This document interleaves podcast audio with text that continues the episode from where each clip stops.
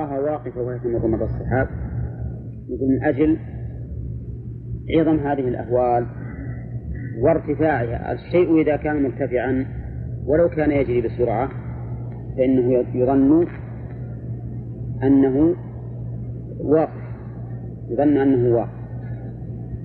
الفائدة الثانية من هذه الآية آه، يستفاد من ذلك أن هذا الأمر الذي حصل لهذه الجبال هو من صنع الله عز وجل. لقوله صنع الله الذي أتقن كل شيء فالذي جعلها جامدة في الدنيا راسية عظيمة ثقيلة كانت في الآخرة تمر مر الصحاب وذلك صنع من صنع الله الذي لا يستطيع البشر أن يفعلوه.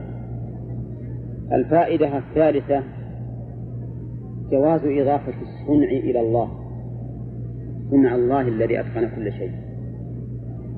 ولكن هل يؤخذ منه إثبات اسم الصانع لله أو لا؟ لا يؤخذ منه.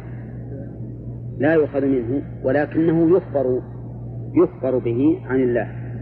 فيقال إن الله تعالى صانع كل شيء. صانع كل شيء على سبيل الخبرية. وأما إثبات اسم الصانع فلا. على أنه يوجد في كلام شيخ الإسلام ابن تيمية وكلام ابن القيم رحمه الله دائما كلمة الصانع. كلمة الصانع. والظاهر أنهم أرادوا بهذا مخاطبة الكلام بمثل ما يتكلمون به. نعم. ولذلك يقول مثلا إثبات الصانع يدل عليه كذا وكذا.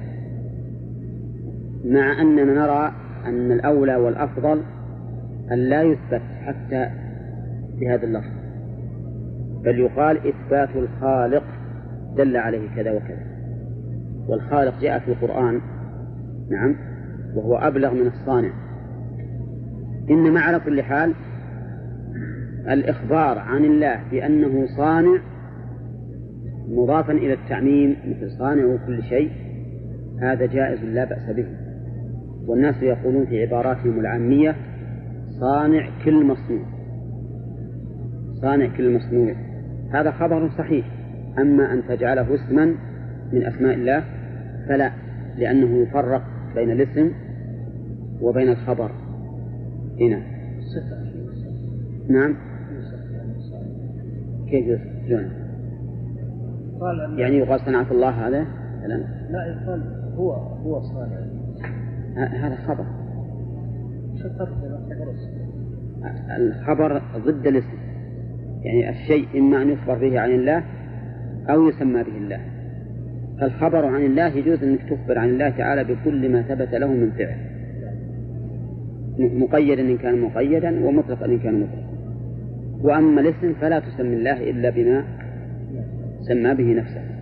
ولهذا يصح أن نقول عن الله سبحانه وتعالى إنه مدبر الأمور مسخر السماوات والأرض مذلل الإبل لراكبيها وما أشبه ذلك. لكن كونك تسميه بهذا الاسم اسماء توصيفية لا نعم. صفة هي مثل الخبر. الصفة نعم. الصفة التي يصح إضافتها إلى الله تخبر بها عن الله لا مانع. لأن ضرورة أن المشتق دال على صفته. كل مشتق فهو دال على صفته. ولا يمكن أن تقول عن شيء إنه مشتق ثم تنفي الصفة الذي الذي التي اشتق منها آه طيب. آه الفائدة الرابعة أن هذا الأمر الذي يقع للجبال يوم القيامة أمر عظيم. وجه عظمته إضافته إلى الله حيث قال صنع الله. وما أضيف إلى العظيم فهو عظيم كما أن ما أضيف إلى الحقير فهو حقير. الفائدة الخامسة أن الله تعالى متقن لكل شيء من الأفعال والأحكام لقوله الذي أتقن كل شيء. مما صنع ولا مما صنع وشرع؟ مما صنع وشرع. وأما تقييد المؤلف له بقوله صنعه ففيه نظر. نعم فيه نظر. ولا يقال إن السياق في الكلام على الصنع. لأننا نقول الكلام على الصنع لكنه جاء بعد ذلك تعميم. ما قال أتقن كل ما صنع. كل شيء. إذا فالله تعالى متقن لكل ما صنع ولكل ما شرع. يستنتج من هذه الفائدة إثبات الحكمة لله عز وجل. لأنه لا إتقان إلا بحكمة. فلا يمكن أن يتقن الشيء إلا بعلم من المتقن. كيف يتقنه والثاني بحكمة بحيث ينزل كل شيء منزلته. وإلا لفات الإتقان. كيف يتقن الشيء من لا يعلم كيف يتقنه؟ نعم. ممكن هذا ولا لا؟ ليس بممكن. وكيف يتقنه وهو يعلم كيف يتقنه لكنه سفيه لا يحسن أن يتصرف. أيضا لا يحصل الإتقان. فلا إتقان إلا بعلم وحكمة. فمن إتقان الله نستنتج هذه الفائدة وهي إثبات الحكمة والعلم له سبحانه وتعالى. ضرورة أنه لا إتقان إلا بعلم وحكمة. الفائدة السابعة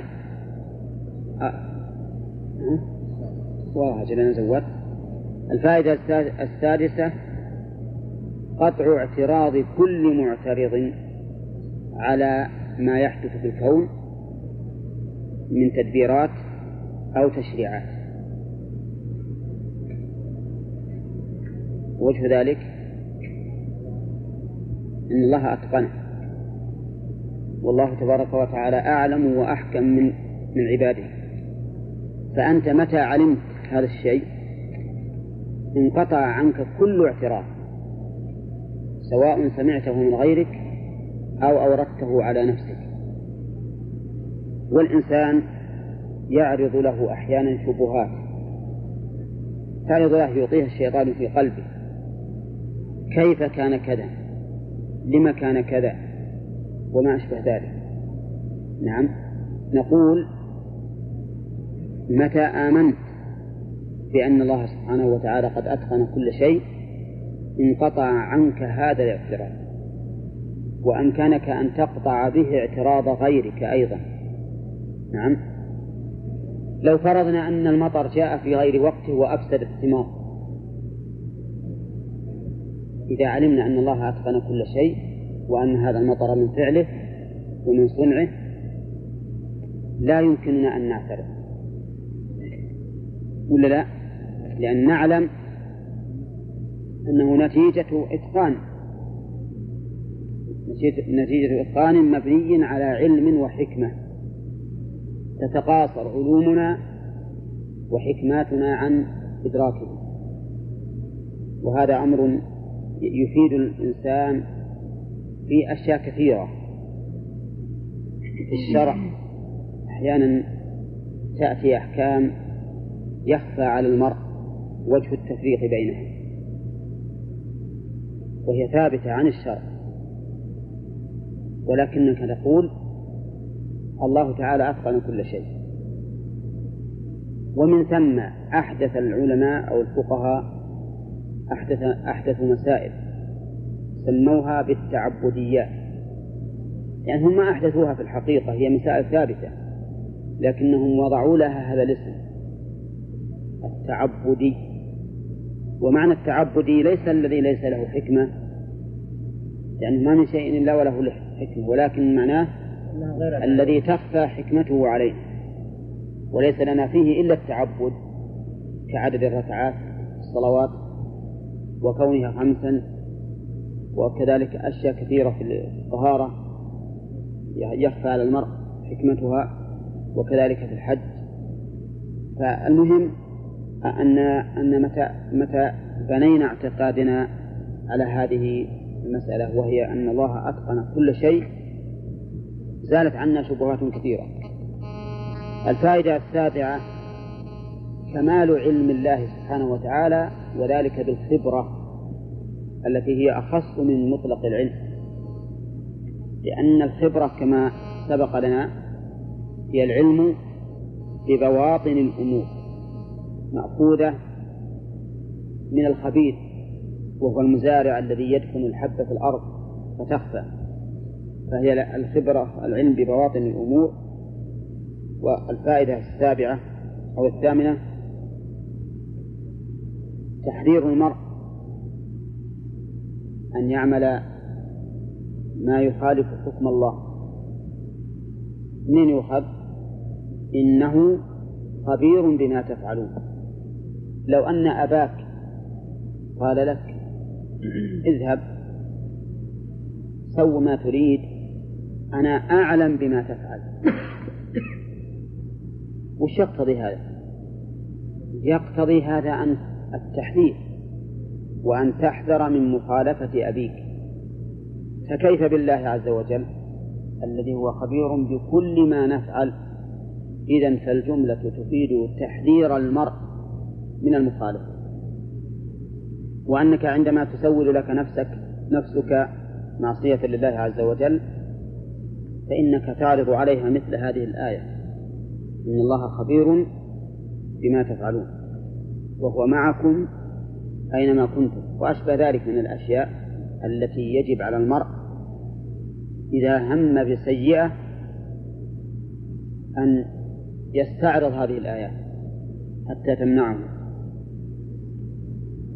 الفائدة التاسعة هو آه، أن ما ما يتعلق بالهم المجرد فإنه لا يؤاخذ به العبد لأن المقصود من قوله إنه خبير بما يفعلون التحذير من هذا الفعل المخالف. فإذا قدر أنه هم مجرد فإنه ليس بفعل. فلا يؤاخذ عليه العبد.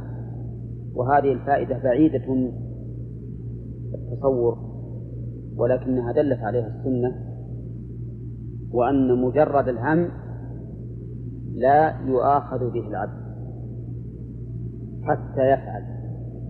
إلا الهم بالسيئة بالحسنة فإنه يكتب للمرء.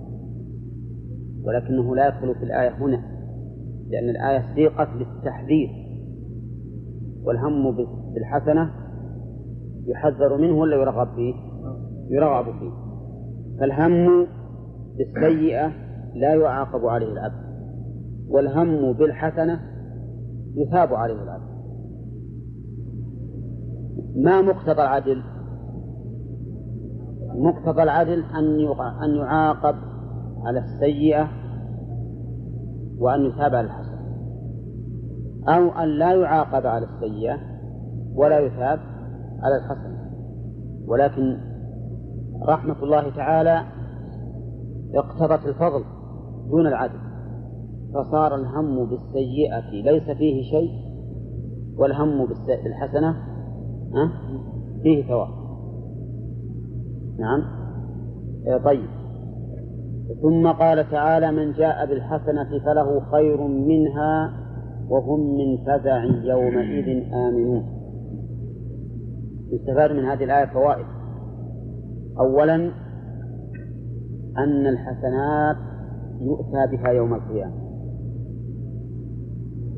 لقوله من جاء بالحسنة فإذا قال قائل كيف يؤتى بالحسنات؟ وهي أعمال مضت. والأعمال معاني. ليست أجساما. نعم. فيقال إن الله تبارك وتعالى على كل شيء قدير. يقلب هذه المعاني إلى أجسام. مثل ما قلب الموت وهو معنى إلى جسم وهو الكبش. والله تعالى على كل شيء قدير. قال النبي عليه الصلاة والسلام لأصحابه من تعدون المفلس فيكم؟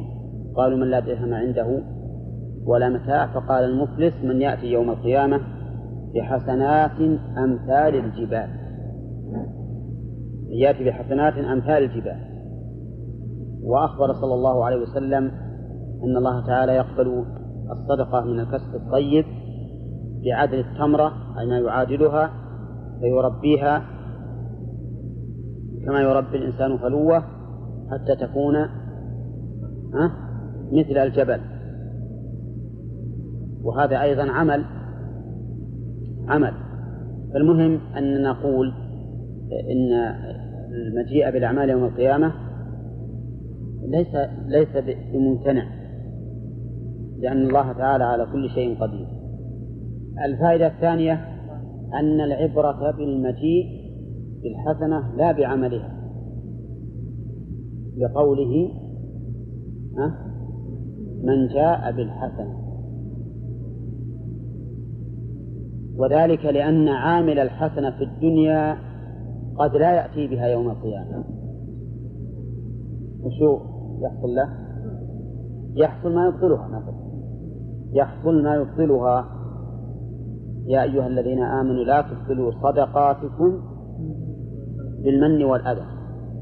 فقد يعمل الإنسان الحسنة لكن يأتي شيء يبطلها فلا يأتي بها يوم القيامة والمدار على الإتيان بها يوم القيامة.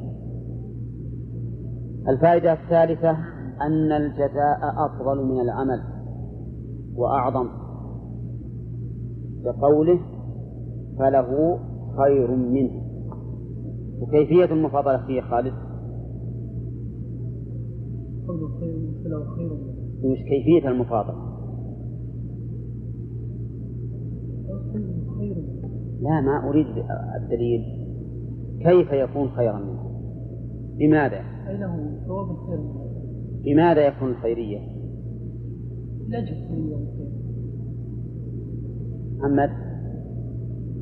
يكون الخيرية أن يثاب ثوابا من عند الله. أكبر مما عمل من العمل. إيه لكن كيف؟ نعم. أين؟ هذا الخيرية. أي الخيرية. نعم. والمحاذة الخامسة الرابعة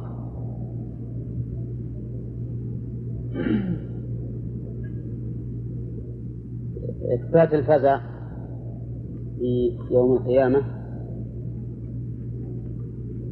وقوله وهم من فزع يومئذ. ثانيا الفائدة التي بعدها الخامسة. أمن من جاء بالحسنة من هذا الفزع. والسادسة أن من جاء بالسيئة فإنه لا يأمن منه. وهو مأخوذ من المفهوم.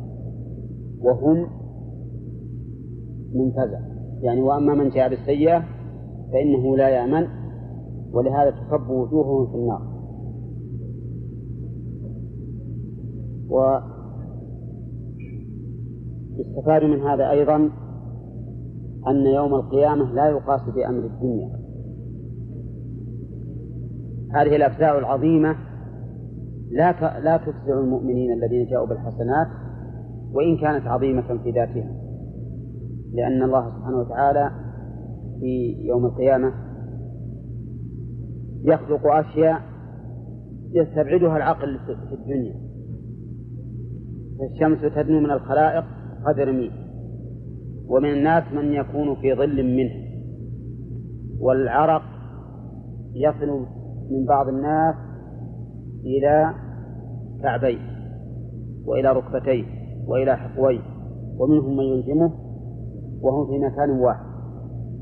مما يتبين به قدرة الله سبحانه وتعالى وأن في هذا المكان الواحد وفي الزمن الواحد يختلفون هذا الاختلاف المتباين.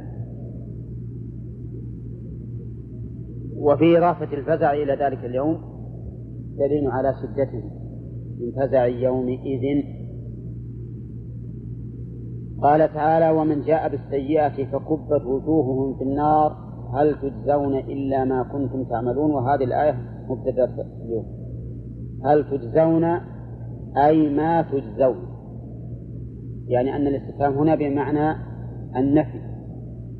والاستفهام بمعنى النفي أبلغ من النفي المجرد. لأنه يدل على النفي وزيادة. فهو مثلا ما تجزون إلا ما كنتم تعملون يدل على أنهم لا يجزون إلا ما كانوا يعملون. لكن هل تجزون؟ يدل على تقرير هذا الأمر وأنه لا يمكن للإنسان أن يجازى إلا بما كان يعمل ويكون فيه تقرير وتقريع في نفس الوقت. وقال المؤلف ويقال لهم تبكيتا قل هل أي ما تجزون إلا جزاء ما كنتم تعملون من الشرك والمعاصي قوله ما تجزون تقدم الكلام عليه لأنكم ما حضرتم وقوله إلا جزاء ما كنتم تعملون هل فيه صرف لللفظ عن ظاهره؟ ها؟ كيف ذلك؟ أي طيب. جزاء ما كنتم طيب وش الفرق؟ لأن قوله إلا ما كنتم تعملون يقتضي أن يكون العمل هو الجزاء نفسه. يكون العمل هو الجزاء. إلا ما كنتم. ومن المعلوم أن العمل ليس الجزاء. ليس الجزاء بل الجزاء شيء والعمل شيء آخر. عندما تستأجر إنسان إنسانا يعمل لك ثم تعطيه الأجرة فعمله غير أجرته. العامل لله سبحانه وتعالى عمله غير جزائه. فظاهر الآية هل تجزون إلا ما كنتم تعملون؟ إن الإنسان يجزى بعمله. أولى لذلك احتاج المؤلف أن يقدر هذا المحذوف. إلا جزاء ما كنتم تعملون. لكن ما في الآية أبلغ. لأنه من باب المبالغة في العدل أن يجعل الجزاء هو العمل. يجعل الجزاء هو العمل. كأن الجزاء نفسه عملك مبالغة في العدل. فأنت إذا كنت تريد ثوابا كثيرا فاعمل كثيرا لأن ثوابك عملك. وأما قولها تجزون إلا جزاء ما كنتم تعملون ففي أيضا ركاكة ما تجزون إلا الجز... إلا جزاء العمل. معلوم كلمة تجزون يستفاد منها الجزاء. فلا حاجة إلى تقديم فالصواب إبقاء الآية على ما هي عليه على ظاهره. ويفهم أن الذي يعطونه هو الجزاء من قوله هل تجزون. والتعبير عن الجزاء بالعمل نفسه مبالغة في في العدل بحيث يكون جزاؤك عملك. وقوله من الشرك والمعاصي هذا ما ذهب إليه جمهور أهل العلم. وهو الصواب. أن الكافر يعاقب على أصل الكفر وعلى المعاصي أيضا التي عملها. فالمشرك إذا زنى وسرق سرق وشرب الخمر يعاقب على ذلك. فيعاقب على الأصل والفرع. وهذا هو الذي عليه جمهور أهل العلم.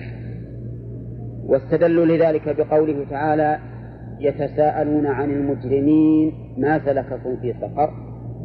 قالوا لم نك من المصلين ولم نك نطعم المسكين وكنا نخوض مع الخائضين وكنا نكذب بيوم الدين. فالصلاة والصدقة ليست من الأصول وإن كان الصواب أن أن الصلاة من الأصول وأن تاركها يكفر. لكن الصدقة ليست من الأصول. حتى الزكاة على القول الصحيح لا يكفر تاركها. نعم. ومع ذلك ذكروا أنها من أسباب دخولهم النار. ولولا أن لها تأثيرا في الجزاء ما صارت من الأسباب. وهذا دليل على أنهم إيش؟ يعاقبون على فروع الإسلام كما يعاقبون على أصولهم. وعلى هذا فيعاقبون على معاصيهم التي دون الشرك. وهذا بلا شك كمال العدل. لأنه إذا كان المسلم يعاقب عليها فكيف بالكافر؟ هل تكون للمسلم نقمة وتكون للكافر نعمة؟ لا. بل أبلغ من ذلك الكافر يعاقب حتى على المباح للمؤمن. حتى المباح للمؤمن الكافر يعاقب عليه. قال الله تعالى قل من حرم زينة الله التي أخرج لعباده والطيبات من الرزق قل هي للذين آمنوا في الحياة الدنيا خالصة يوم القيامة. وفوق من قول خالصة يوم القيامة أنها لغير المؤمنين ليست خالصة يوم خالصة وأنهم سيجازون عليها. وهذا أيضا مقتضى النظر إذ كيف يتنعم الإنسان بنعم الخالق وهو يعصي الخالق.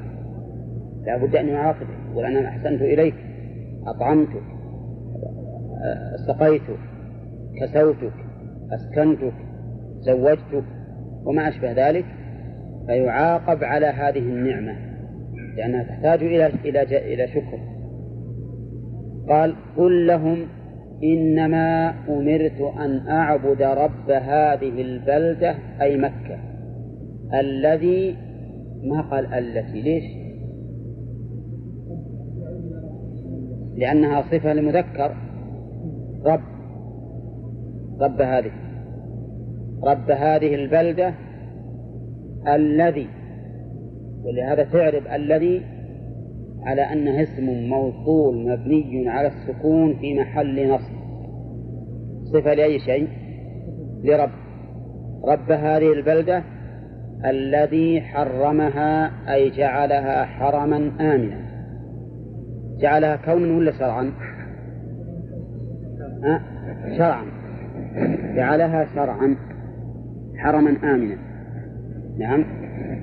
أه وقوله رب هذه البلدة إضافة الربوبية إليها تفيد الفضل وأن الله سبحانه وتعالى قد اعتنى بها وشرفها.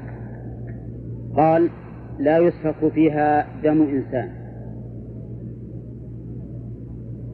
والحديث لا يسفك فيها دم.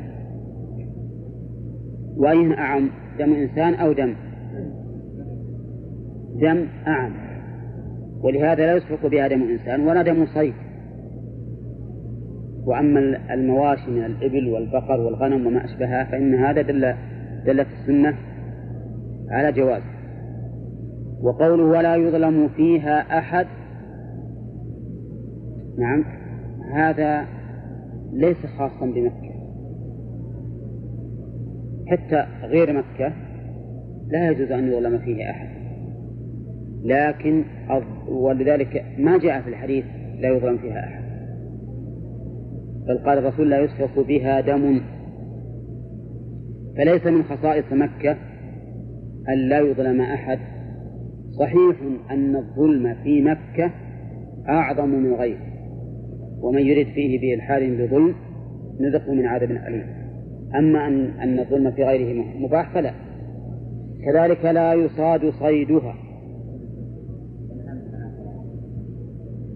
لا. لا ما ما ما, ما تدل عليه. لأن هنا ما يرد فيه بإلحاد الباء تدل على أن الفعل مضمن؟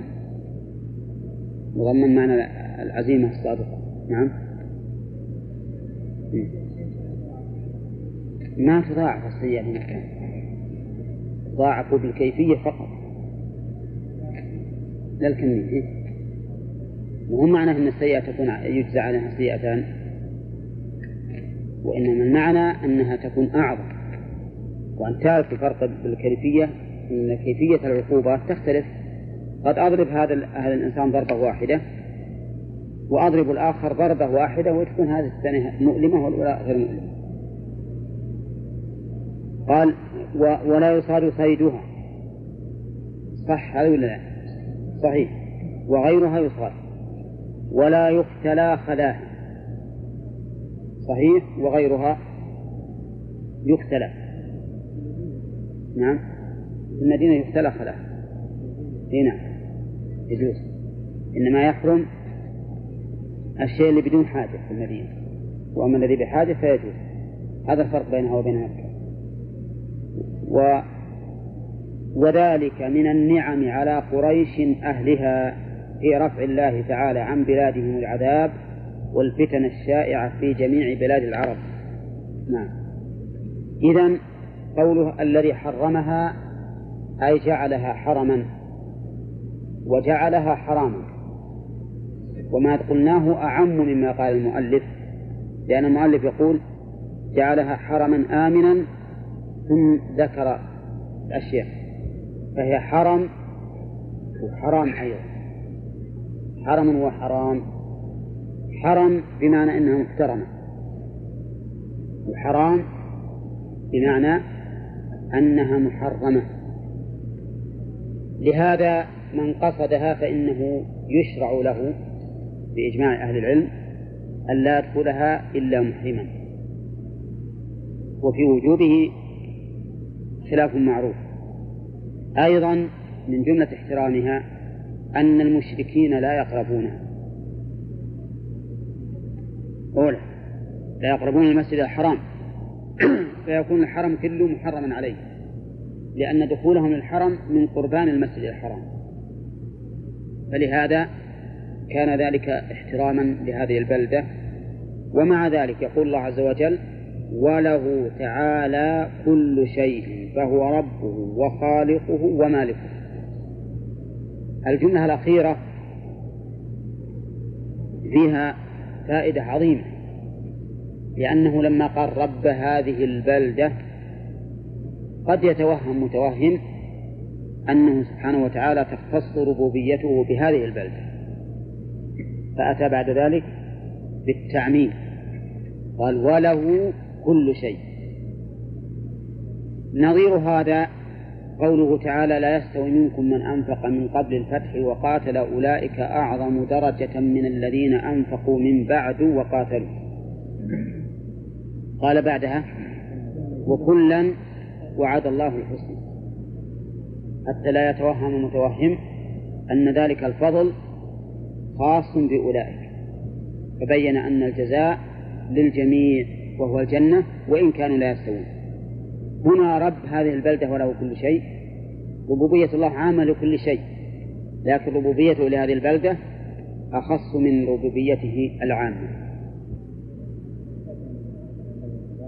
نعم. نعم. لا ما هو بالذكورية. يعني قصنا بالذكورية لفظا. معناه لا.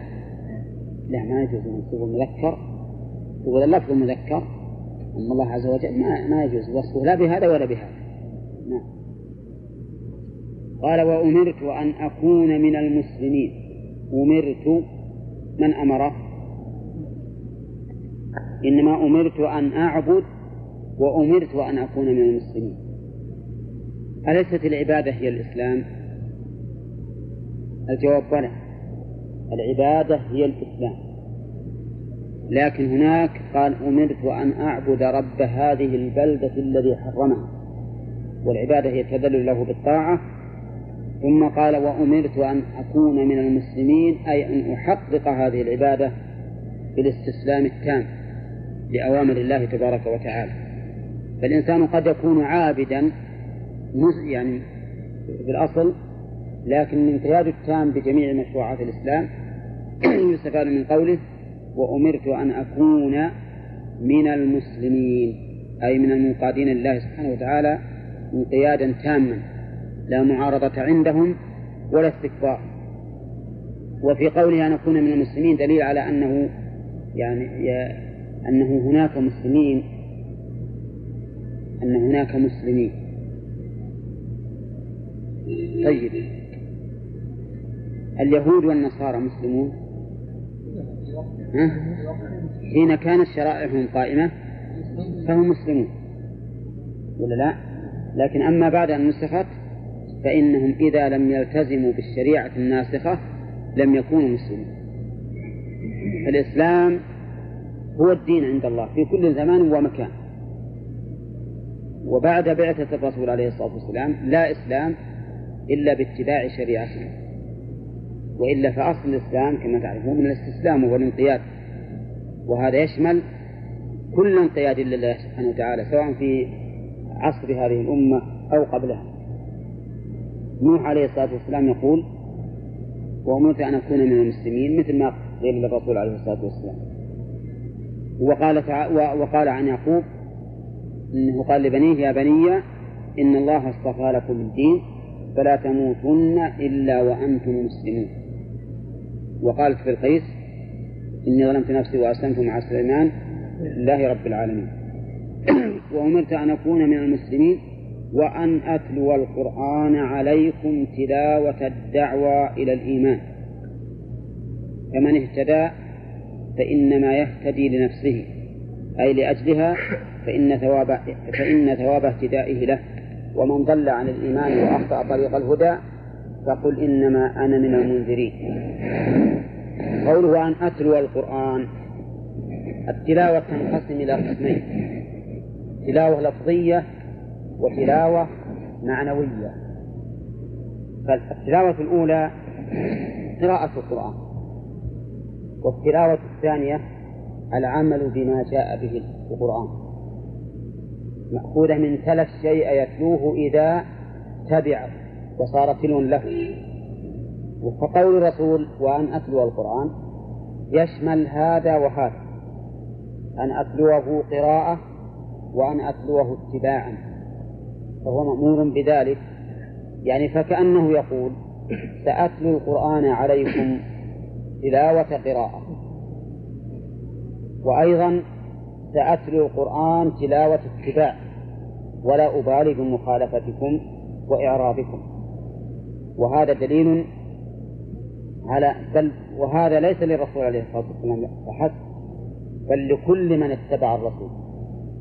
يجب عليه أن يتلو القرآن تلاوة لفظية. وقد علم أن قراءة الفاتحة ركن من أركان الصلاة التي هي من أركان الإسلام. ثانيا يجب على المسلم أن يتلو القرآن تلاوة اتباعية ولا يبالي بمن خالفه. ولو أننا راعينا شعور الناس وراعينا عصور الناس بقي الدين ليس دينا. بل صار الدين عادة إن تقبله الناس حسب عاداتهم صار دينا وإن لم يقبلوه لم يكن دينا. والواجب أن يكون الدين بعيدا عن عادات الناس. بمعنى أن يكون الحكم هو القرآن والسنة. لا ما يعتاده الناس فيما يفعلونه من عبادات أو غيرها خلافا لبعض الناس الآن الذين يريدون أن يتابعوا الناس فيما هم عليه من ولو كان باطلا. وهذا ليس بصحيح لأننا لو مشينا على هذا الأمر أو على هذا المنهاج ما بقي حياة الإسلام كان الإسلام يبقى ميت يبقى ميتا ويموت منه جزء في هذا العصر ثم يأتي عصر آخر فيموت منه جزء آخر وهكذا حتى ينقضي. ولكننا إذا كنا نعمل بالإسلام ونجدد نجدد حسب ما يقتضيه الكتاب والسنة لا حسب آرائنا صار ذلك هو القيادة. وأما أن نسكت وندس رؤوسنا في التراب ونقول هذا الناس ما يمكن نخالفهم نعم أو أو نتهيب قول بعض الناس طلعتم علينا بدين جديد نعم هذا الدين ما عرفناه من قبل وما أشبه ذلك فإن هذا لا لا ينبغي أن يمنع الإنسان عن قول الحق. ولهذا قوله وأن أتلو القرآن تلاوة لفظ تقوم به الحجة عليكم وتلاوة اتباع لا أبالي بمعارضتكم ومخالفتكم. وهذا هو الواجب على كل مسلم في كل مكان. طيب لكن مراعاة الناس بمعنى تدريج الناس حتى يسلكوا الصراط الصحيح هل يجوز ولا لا؟ ها؟ هنا. مراعاة الحال يعني بالتدريج لا بأس به. ولهذا الذي نرى أن الدعاء إلى الله سبحانه وتعالى بالحكمة يتناول هذا الأمر. وهي نقل الناس إلى إلى الإسلام مرحلة مرحلة. وإن كان بعض بعض الناس يقولون إن هذا في أول الدعوة. صحيح أن الإسلام تطور. جاءت الصلاة ثم الزكاة ثم الصيام ثم الحج. حرم الخمر على عدة وجوه. نعم. الصيام وجب على عدة وجوه. لكن نقول كما أن هذا في أصل الدعوة أو في أول الدعوة هو أيضا في آخرها. بعث معاذ متى كان؟ ها؟ في سنة عشر من الهجرة. ومع ذلك يقول ادعهم أولا. ثم إلى الصلاة ثم إلى الزكاة. فالرسول رتب هذا. ما قال ادعوهم إليها جميعا. فمثلا لو رأينا إنسانا منهمكا على فعل معصية وعرفنا أننا لو قلنا له أقلع عنها نهائيا إنه ما يتمكن أو أن ينفر فلا بأس أن ننقله عنها شيئا فشيئا بالتدريج. لأن هذا كمعالجة المرض. المرض ما يمكن يعني تعالجه مرة واحدة. لا بد من تنقل من شيء إلى شيء حتى يتم استئصال هذا المرض. فهذه المسألة تعود إلى حال إلى حال الناس وليس معناها الاستسلام لحال الناس لأن معنى الاستسلام الذي أنكرته قبل هو أن الإنسان يدع الناس ولا يعارضه بالحق. أما هذا ما يدعهم لكنه ينقلهم من مرحلة إلى مرحلة حتى يستقيم فمثلا عندما نريد أن نعمل عملا في الصلاة ليس من عادة الناس. فإن من من الحكمة أن نمهد له بالقول. نمهد له بالقول أولا ثم إذا علم به الناس واستقر في نفوسهم نقلناهم بعد ذلك إلى إلى الفعل. نعم؟ وهكذا أيضا غير هذه المسألة. المهم أن تلاوة القرآن على الناس المعرضين مما أمر مما أمر به الرسول عليه الصلاة والسلام وأمرت به الأمة كلها أيضا. ويكون التلاوة هنا لفظا واتباعا. ولكن الشأن كله في أن لا نتخاذل أمام الأمر الواقع بل يجب علينا أن نكون على وجه أقوى وأشد نعم. نقل الإنسان من معصية إلى معصية إلى معصية أخرى؟ لا. ما يجوز كيف؟ مثال ذلك. إذا كانت من الجنس ربما نقول. مثلا لو فرضنا أن إنسان مبتلى بالزنا والعياذ بالله. وقلنا له يا أخي ما مالك الشهوة التي عندك هذه تستطيع أن تعملها أن تخففها بالسنة مثلا. هذا من الجنس ما في بأس. لكن واحد يسرق يقول يا أخي إترك السرقة أشرب الخمر أزيد نعم. هذا ما يمكن. ها؟ أي من جنس معناه التخفيف. أي لأنك لو نقلته إلى إلى إلى إلى شيء آخر فاتجاهه الأول ما يزول في الغالب. إيه؟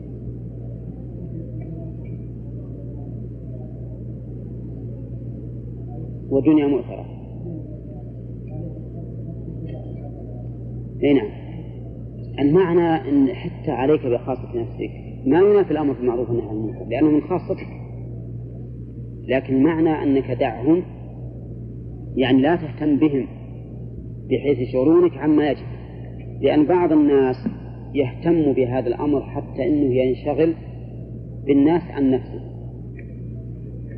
تجد حتى يصلي وهو يشعر بأنه يعمل فلان أو تصور أنه أصلا عند كان يقول يلا صل.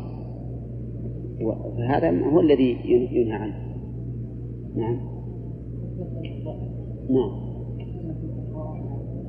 نعم. يا أيها الذين يا أيها الذين آمنوا عليكم أنفسكم. إيه. لأن بعض الناس يفهم إن إن الإنسان إذا أصلح نفسه ما عليه من إصلاح غيره ولكن نقول إن إصلاح غيرك منوط بك من إصلاح نفسك أنت مأمور بالأمر بالمعروف والنهي عن المنكر. لكن إذا ضلوا فإن ضلالهم لا يضره بعد أن تقوم بما يجب عليك من الدعوة والأمر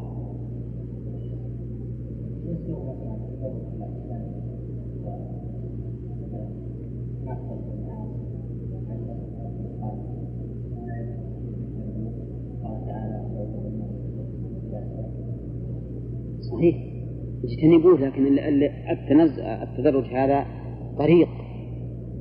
وليس معنى ذلك أني إذا نقلت من هذا إلى أخف أني أبيح له الأخف.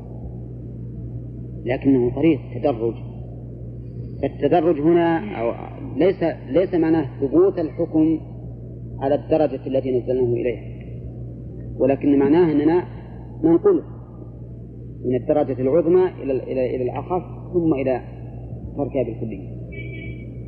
فقوله عليه الصلاة والسلام اجتنبوه لكن ما هو الطريق الاجتناب هو هذا الذي نقول.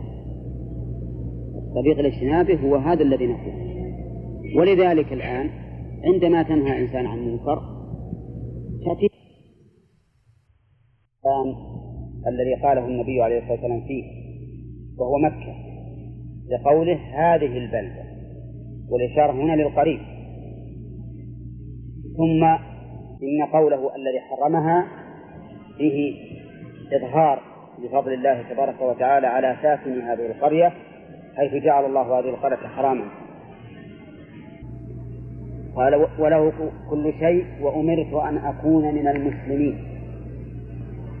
أي المنقادين لحكم الله. ولا منافاة بينه وبين العبادة فيما سبق أن أعبد رب هذه البلدة لأنه الأصل العبادة شيء والإسلام في جميع الشريعة شيء آخر. وأن أتلو القرآن تلاوة لفظية تقوم بها الحجة عليه وتلاوة عملية تطبيقية يتبين بها أنني لست بمبال من يخالفني بمن يخالفني في هذا الأمر و وقولها القرآن هو هذا الذي نزل عليه صلى الله عليه وسلم. وبعد تلاوة القرآن فمن اهتدى له. كذا عندكم. فمن اهتدى له ولا به؟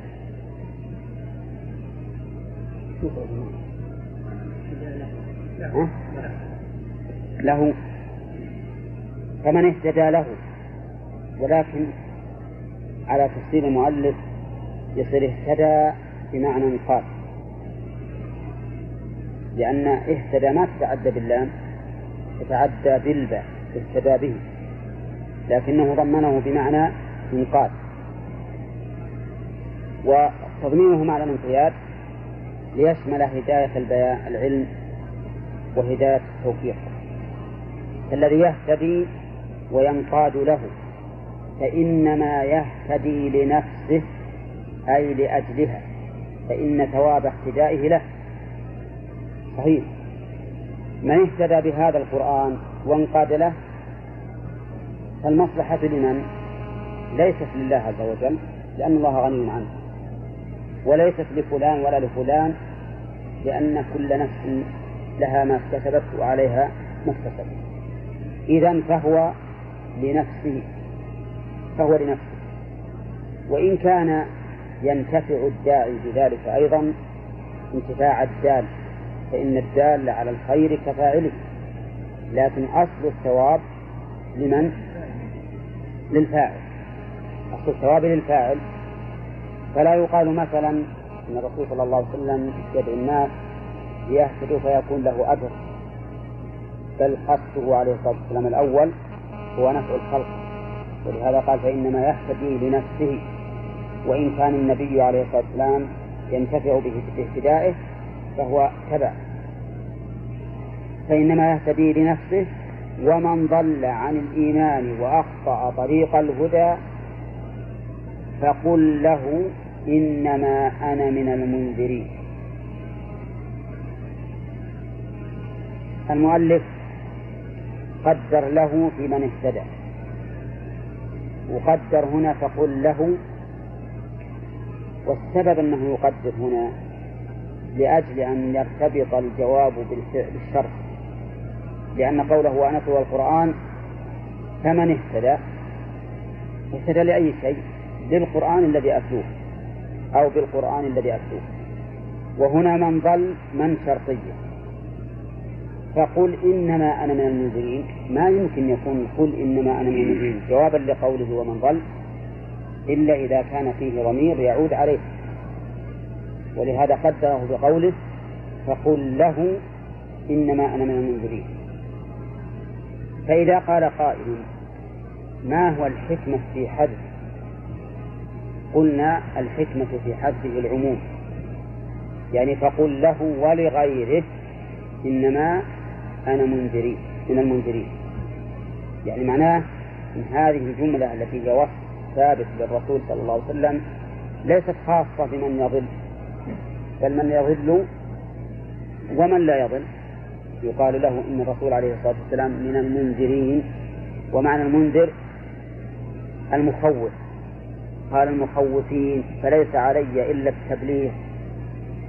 وقوله إنما أنا إنما أداة حصر إنما أداة حصر فإذا قال قائل هذا يفيد اختصاص الرسول صلى الله عليه وسلم بالإنذار مع أن الله يقول إنا أرسلناك بالحق بشيرا ونذيرا. ولا تسأل عن أصحاب الجحيم. قلنا لكن لكل سياق ما, ما يناسبه من اللفظ فهنا المخاطب من؟ قوم منكرون فكان ذكر جانب التخويف في حقهم أولى من الجمع بينه وبين التبشير نعم. قال وهذا قبل الأمر بالقتال. والمؤلف رحمه الله يسلك هذا المسلك كثيرا في مثل هذه الآية ويقول إنه قبل الأمر بالقتال. وهذا يتضمن أن تكون الآية منسوخة لا يعمل بها ولكن هذا قول في غاية الضعف. والصواب أن هذا يقال حتى بعد الأمر بالقتال فالنبي عليه الصلاة والسلام وش عليه؟ عليه الإنذار والتبليغ وليس عليه الهداية. ما عليه الهداية؟ والرسول عليه الصلاة والسلام يقرأ في كل جمعة غالبا أو كثيرا يقرأ فذكر إنما أنت مذكر لست عليهم بمسيطر إن إلينا إيابهم ثم إن علينا حسابهم. وكيف تكون مثل هذه الآيات التي تكرر على المسلمين في جمعاتهم؟ تكون منسوخة. ثم إن النسخ ليس بالأمر الهين دعواه. ليست بالأمر الهين. يعني وش معناه؟ معناه إبطال دلالة الآية أو الحديث. وهذا يتضمن الاعتداء على الله سبحانه وتعالى وعلى رسوله. ولهذا يجب على الإنسان أن يحترز غاية الاحتراز من دعوى النفس. وإذا عجز عن الجمع فيقول سبحانك لا علم لنا إلا ما علمتنا. لكن المؤلف رحمه الله وغيره كثير من أهل العلم إذا عجزوا عن الجمع قالوا هذا منسوخ نعم وهذه هذا مسلك ليس بجيد. وليس بسديد وليس بصواب بل هو خطير. وقد ذكر ابن القيم رحمه الله أن المنسوخ في الشريعة لا يتجاوز عشرة أحكام. ولو سلكنا ما سلكه المؤلف لكان المنسوخ عشرات الأحكام الأحكام. نعم؟ أو ربما يبلغ المئة. وفي هذا خطأ عظيم. فالصواب أن هذا القول تقول إنما أنا من المنذرين يقال حتى الآن. وحتى بعد الأمر بالقتال. فهو منذر لكن هذا الإنذار نعم لا يقتضي أن لا يقوم بما يجب عليه من الجهاد. يقول أنا منذر فليس علي هداكم وهداكم على الله سبحانه وتعالى. وأما مسألة الأمر بالقتال فهذا شيء يمكن حتى مع هذا القول. فالصواب في هذه المسألة أن الآية محكمة. هذه وغيره محكمة.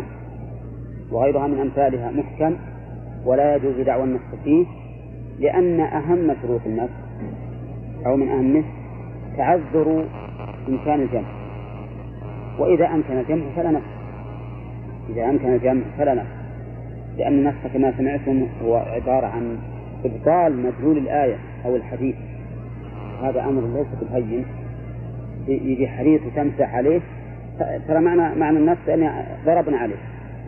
نعم. نعم. لا لا من الشروط. لا. لا ما هو بشرط لا ما هو بشرط هذا. المهم إذا تعذر الجمع وعلم التاريخ فالمتأخر ما ويقول إنما أنا من المنذرين. هي بالكسر ولا بالفتح؟ ها؟ لأنها اسم فاعل فهو منذر والناس منذرون. وقل الحمد لله معطوف على قوله إنما أمرت فإنه على تصدير قل. يعني وقل الحمد لله. وهذا هذه الجملة للثناء على الله تبارك وتعالى. وقد أثنى الله على نفسه في ابتداء الخلق وفي انتهائه وفي ابتداء إنزال القرآن وفي مقام التعظيم للرسول عليه الصلاة والسلام في إنزال القرآن وما أشبهه.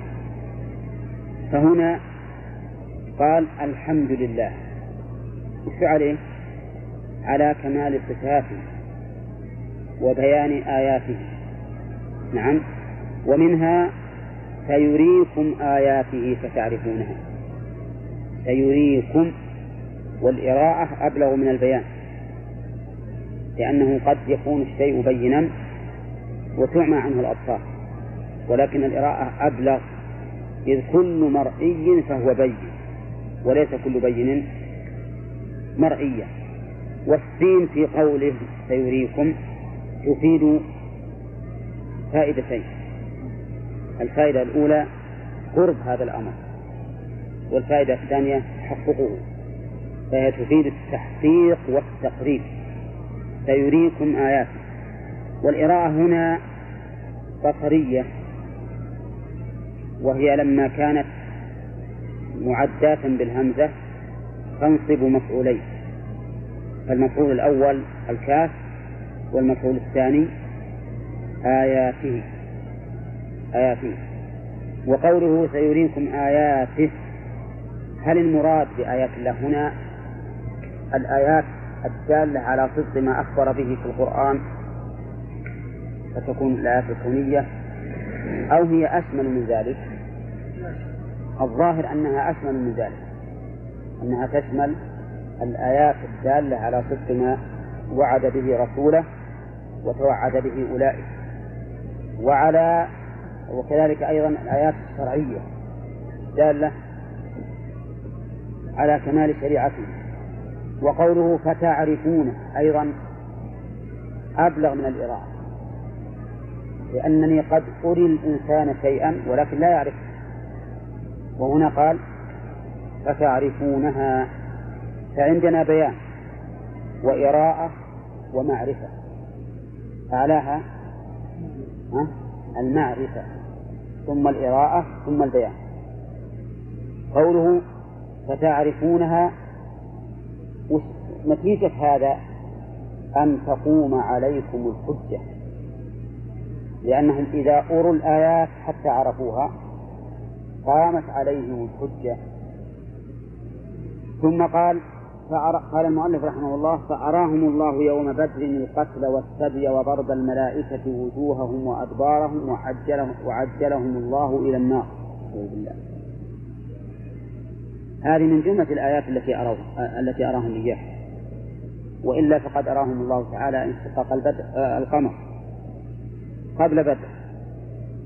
فإنهم طلبوا آية من الرسول صلى الله عليه وسلم فأشار إلى القمر فانفلقت فرقتين حتى شاهدوه بأعينهم. فقالوا سحرنا محمد. فاسألوا الركبان الذين يقدمون إلى مكة هل شاهدوا ذلك أم لا؟ فسألوهم فأخبروهم بأنهم شاهدوا ذلك بأنهم شاهدوا ذلك. وقد أنكر قوم هذه الآية في شقاق القمر ومنهم محمد رشيد رضا وأظن شيخه كذلك محمد عبده وهذا خطأ واضح والعياذ بالله لأن الأحاديث فيه متواترة وإشارة القرآن إليه ظاهرة اقتربت الساعة وانشق القمر. هم حرفوا القرآن فقالوا انشق القمر أي بان بان ضياء الحق أي بان ضياء الحق والنور بما جاء به الرسول عليه الصلاة والسلام. وهذا بلا شك تحريف بالقرآن وتكذيب بما تواترت به السنة. الصواب الذي لا شك فيه وهو من من معتقدات أهل السنة والجماعة أن القمر انشق.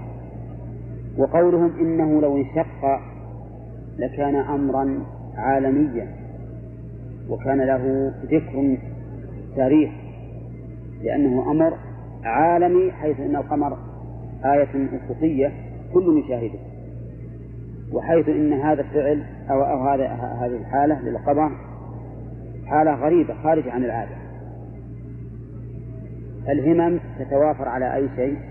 على نقله ولا بد أن تذكر التواريخ كتاريخ الهند والروم والفرس وما أشبه ذلك.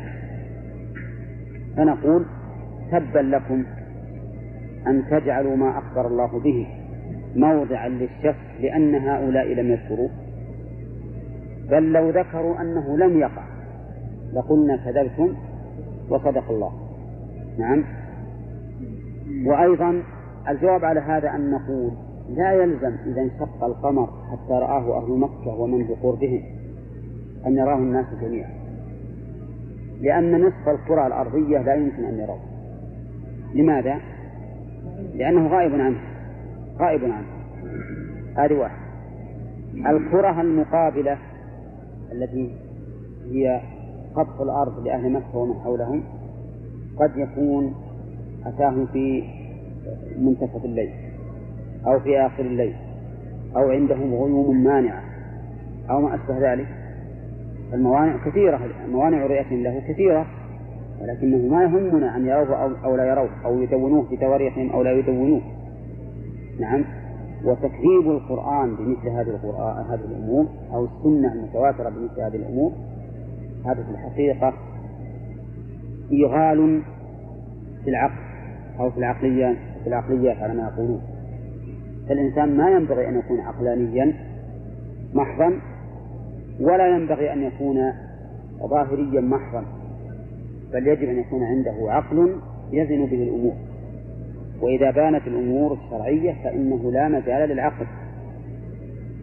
إذا أراهم الله تعالى آيات منها انشراق القمر ومنها أيضا أن النبي عليه الصلاة والسلام شهد الناس كلهم أن الحجر يسلم عليه والشجر يسلم عليه حتى إنه يقول كان حجر يسلم عليه في مكة أعرفه. وكذلك أيضا من من الآيات ما حصل يوم بدر يوم بدر حصل من الآيات قتل سبي وقتل لمن؟ إيه لرؤساء الكفار. ما هو لأطرافهم لصناديد قريش. نعم. وقتل صناديد أعداء النبي عليه الصلاة والسلام آية له لأن ذلك نصر له. ولو كان ما قاله باطلا ما كان الله تبارك وتعالى لينصره أبدا. لأن الله ما ينصر الباطل على الحق نصرا مستمرا ولكن قد يكون للباطل صولة قد يكون له صولة ليمحص الله المؤمنين. فينتصر أهل الباطل لكنه انتصار موقت نعم. كذلك أيضا السبي. سبي منهم أحد ولا لا؟ ها؟ نعم. سبي سبعون رجلا منهم وذهب بهم إلى المدينة وهم أيضا المسبيون من أشرافهم. المهم أن هذا هذه الواقعة وقد بدر أسخنتهم تماما وأذلتهم إذلالا بالغا. ولهذا سماه الله تعالى يوم الفرقان لأن الله فرق فيه بين الحق والباطل. وتعلمون أن الناس ينتظرون ماذا يحصل. العرب لما رأوا النبي عليه الصلاة والسلام وهم قلة 314 رجلا غلبوا حوالي ألف من قريش كامل العدة أو العدة وال وال والعدد كثير. عرفوا أن أمر الرسول صلى الله عليه وسلم سيظهر. كذلك أيضا الملائكة يضربون وجوههم وأدبارهم.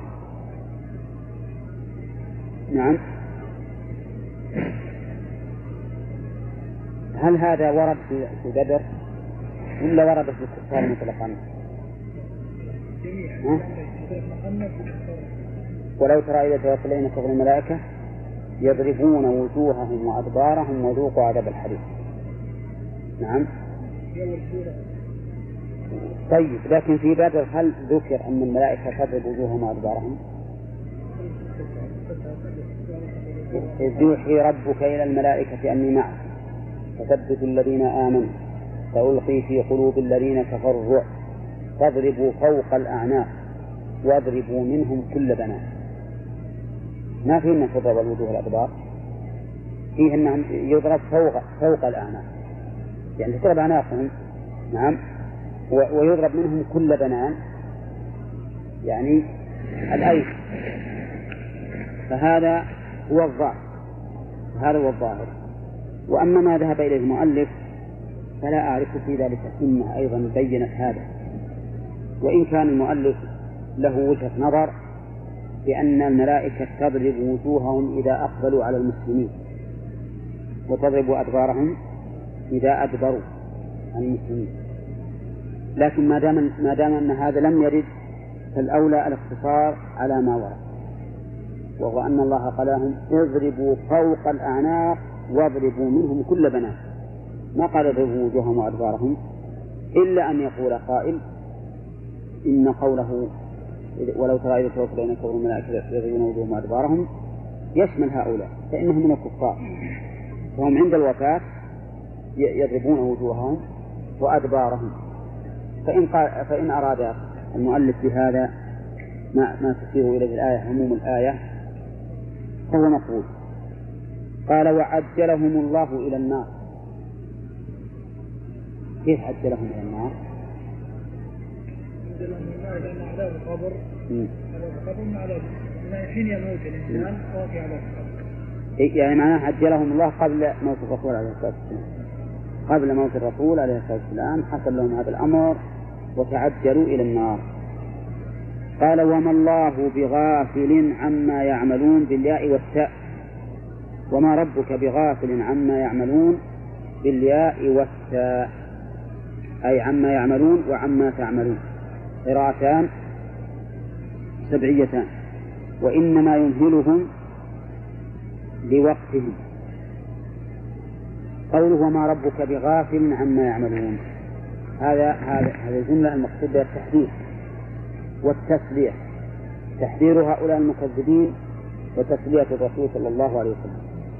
وفيها أن من صفات الله أنها صفة من الصفات السلبية. من الصفات السلبية. وقد مر علينا أن الصفات السلبية تتضمن أمرين. نفي الصفة المذكورة وإثبات كمال ضدها. فالله تعالى لا يغفل. ليش؟ لكمال علمه ومراقبته. كامل العلم وكامل المراقبة.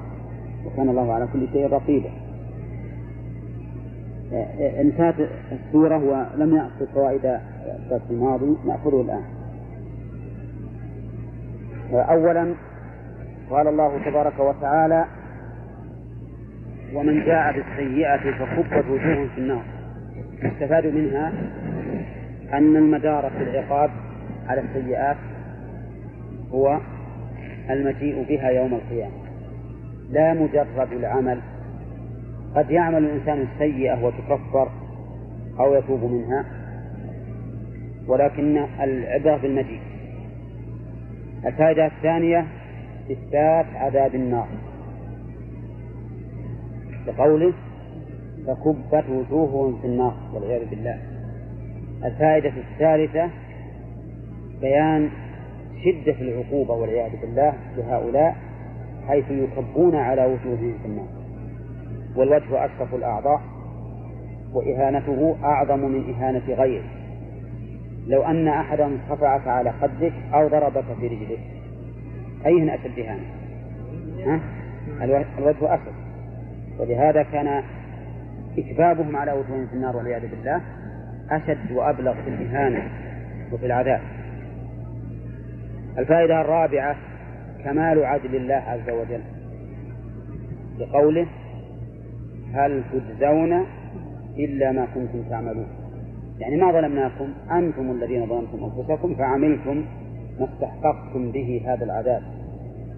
الفائدة الخامسة أن عذاب أهل النار والعياذ بالله عذاب نفسي وبدني.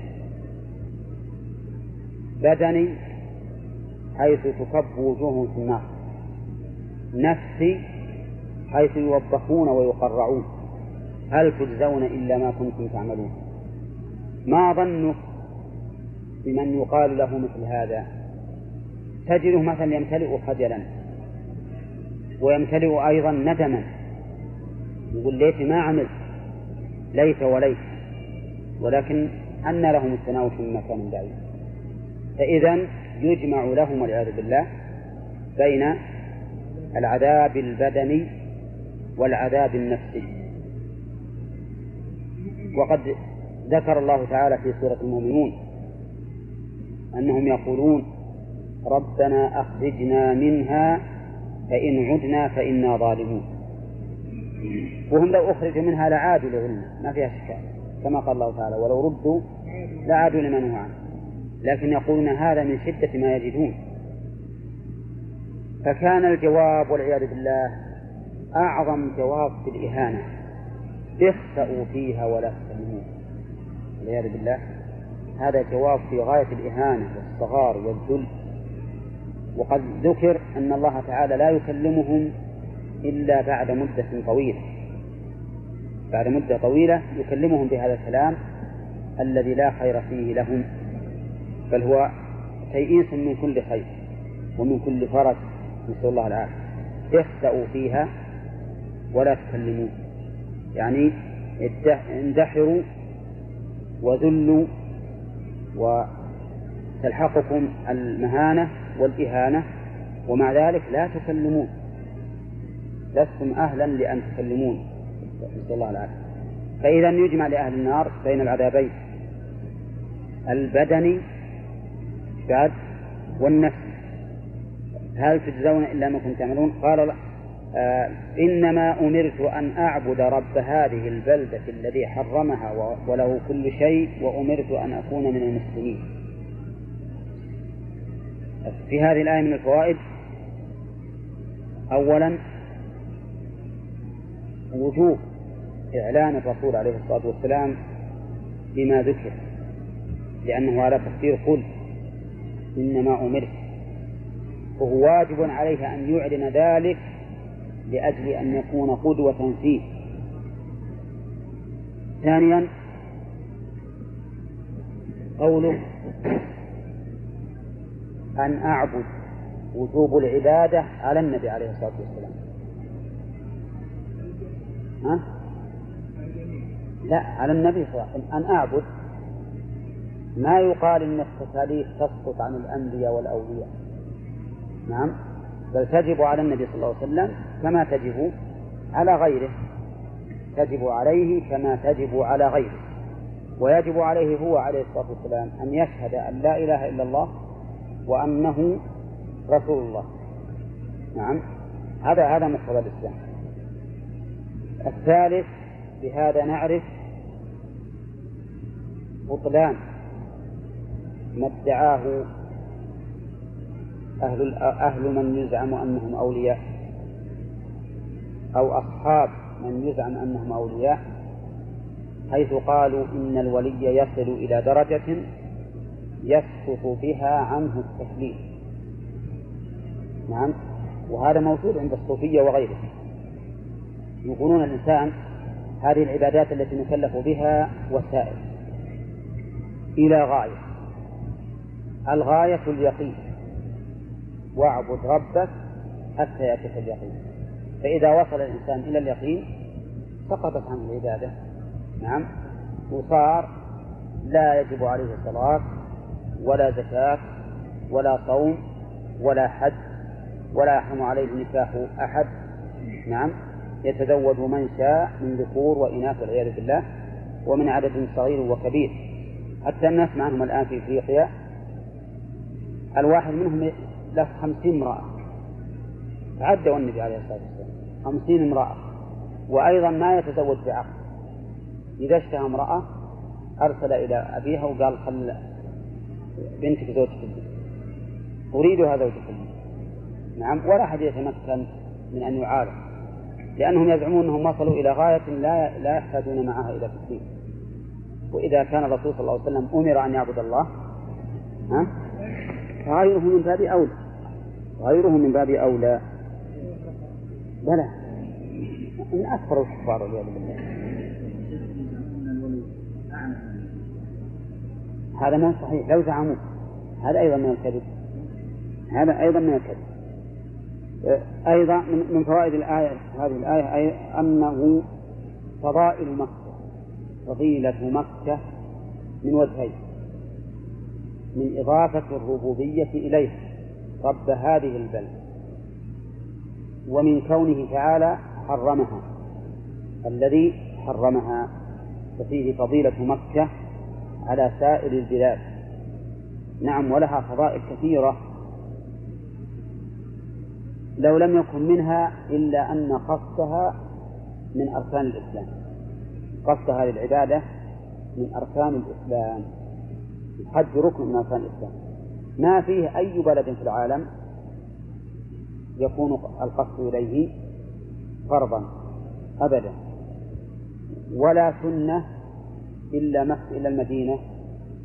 بعد والمسجد الأقصى. نعم. طيب الفائدة الرابعة أن الذي حرم مكة هو الله. بقوله الذي حرمها. فإذا قال قائل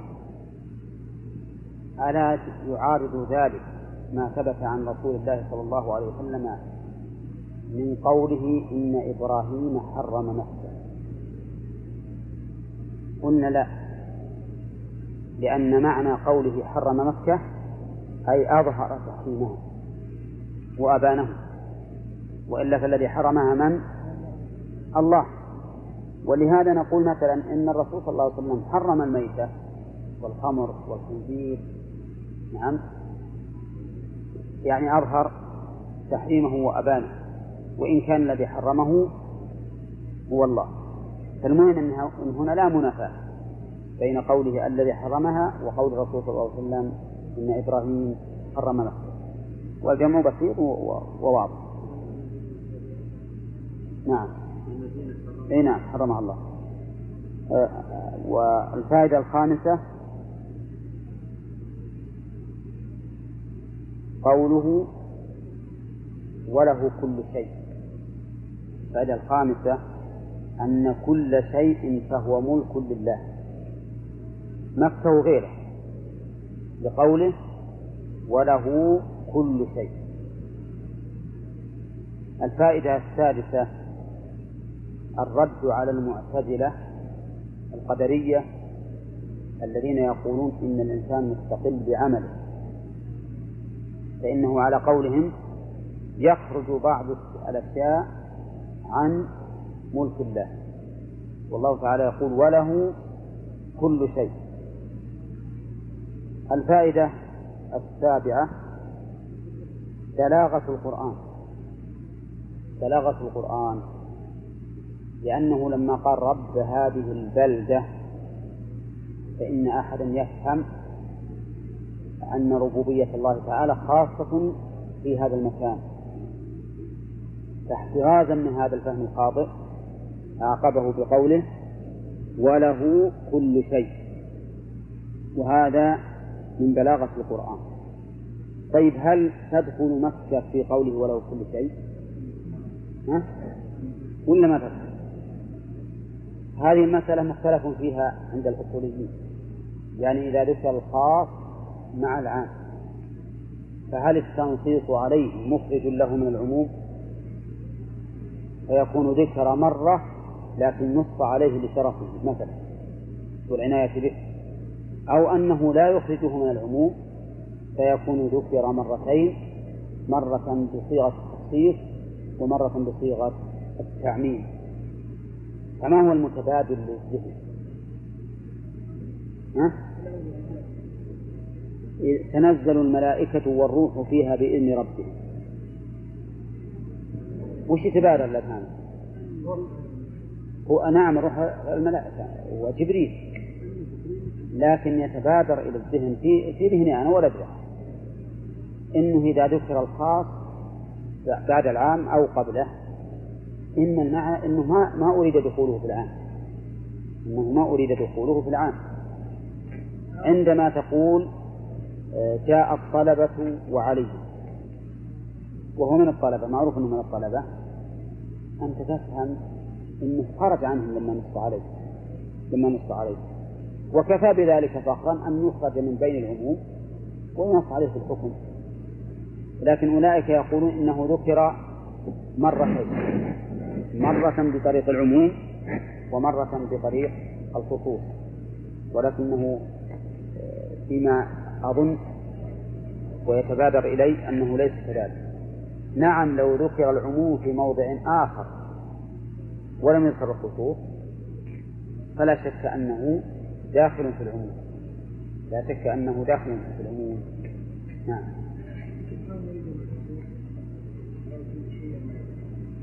أي على القول بأنه إذا ذكر خاص يكون عام. لا عام مخصوص يكون عاما مخصوصا.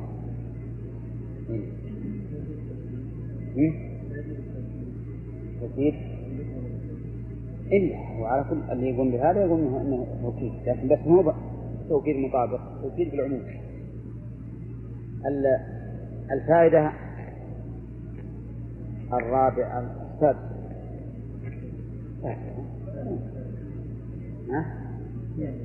الثامنة. طيب الفائدة التاسعة. أن أنه لا يجوز لأحد أن يحكم بغير ما أنزل الله بقوله وله كل شيء. لأن من جملة الأشياء الحكم بين العباد بل هو من أعظم الأشياء. فإذا كان ذلك لله فلا يجوز لأحد أن يستقل به. ما يجوز لأحد أن يستقل به؟ ومن أراد أن يستقل به فقد حاول أن يكون شريكا لله تعالى في ذلك. نعم ونزل نفسه منزلة لا يستحقها. إذا أمر التحليل والتحريف والإيجاب إلى من؟ إلى الله. لأن له كل شيء. أمر التحسين والتقبيح. نعم. لا. الصواب نعم إلى الله لأن بعض الأشياء ما نعرف عن حسنها وقبحها إلا من الله. لكن أيضا للعقل مجال في هذا. ولذلك أتأمرون الناس بالبر وتنسون أنفسكم وأنتم تتلون الكتاب؟ بعده أفلا تعقلون؟ نعم. دل هذا على أن العقل يحسن ويقدر. فإن هذا من القبيح. لا تنهى عن خلق وتأتي مثله. عار عليك إذا فعلت عظيما العقل يحسن ويقدر لكنه لا يوجب ويحرم. الإجابة والتحريم إلى الله. وأما التحسين والتقبيح فيحسن ويقبح ولهذا يحيل الله تعالى أشياء كثيرة إلى إلى العقل. فدل ذلك على أن للعقل أن يحسن ويقبح ولكن من الأشياء ما لا يعلم حسنه وقبحه إلا بطريق الشرع. وهذا هو الصحيح في هذه المسألة مسألة التقبيح والتحسين العقلي. صار فيها نزاع طويل بين أهل السنة والجماعة وبين أهل البدع. منهم من قال لا يحسن ولا يقبح والغريب أن هذا هو المشهور من مذهب الحنابلة. قال الفتوحي في كتاب مختصر التحرير في أصول الفقه. العقل لا يحسن ولا يقبح ولا يوجب ولا يحرم. يقول أما قوله لا يوجب ولا يحرم فهذا صحيح. وأما لا يحسن ولا يقبح فهذا ليس بصحيح. والناس يروى عن ابن مسعود رضي الله عنه أنه قال ما رآه المسلمون حسنا فهو عند الله حسن. وما رآه ما رآه قبيحا فهو عند الله قبيح. وربما يشهد لهذا قول الرسول صلى الله عليه وسلم الإثم ما حاك في نفسك وكرهت أن يطلع عليه الناس. فإن هذا دليل على أن أن الإنسان لكن الإنسان اللي صفت سريرته وخلص نيته هذا ما يطمئن للإثم أبدا. أما الإنسان الفاسق فالفاسق تعرفون أن الزبال يهتم لا تهمه الزبالة. ولا لا؟ لكن العطار إذا قاعد عند الزبالة؟ ما ما يمكن يجلس فالإنسان اللي صبت سريرته وخلصت نيته وعلم الله منه حسن القصد يوفق وتجده إذا عمل السيئة لو ما يدري السيئة ما ما تطيب نفسه ولا تستقل. ولهذا قال البر ما اطمأنت إليه نفس واطمأن إليه القلب. والإثم ما حاك في النفس وتردد في الصدر. نعم. لكن هذا من من, من نخاطب به؟ ها؟ كل الناس؟ لا. صاحب القلب الصافي والإيمان الخالص. أما عامة أما الناس المنهمكون بهذا فلا فلا يخاطبون به. نعم.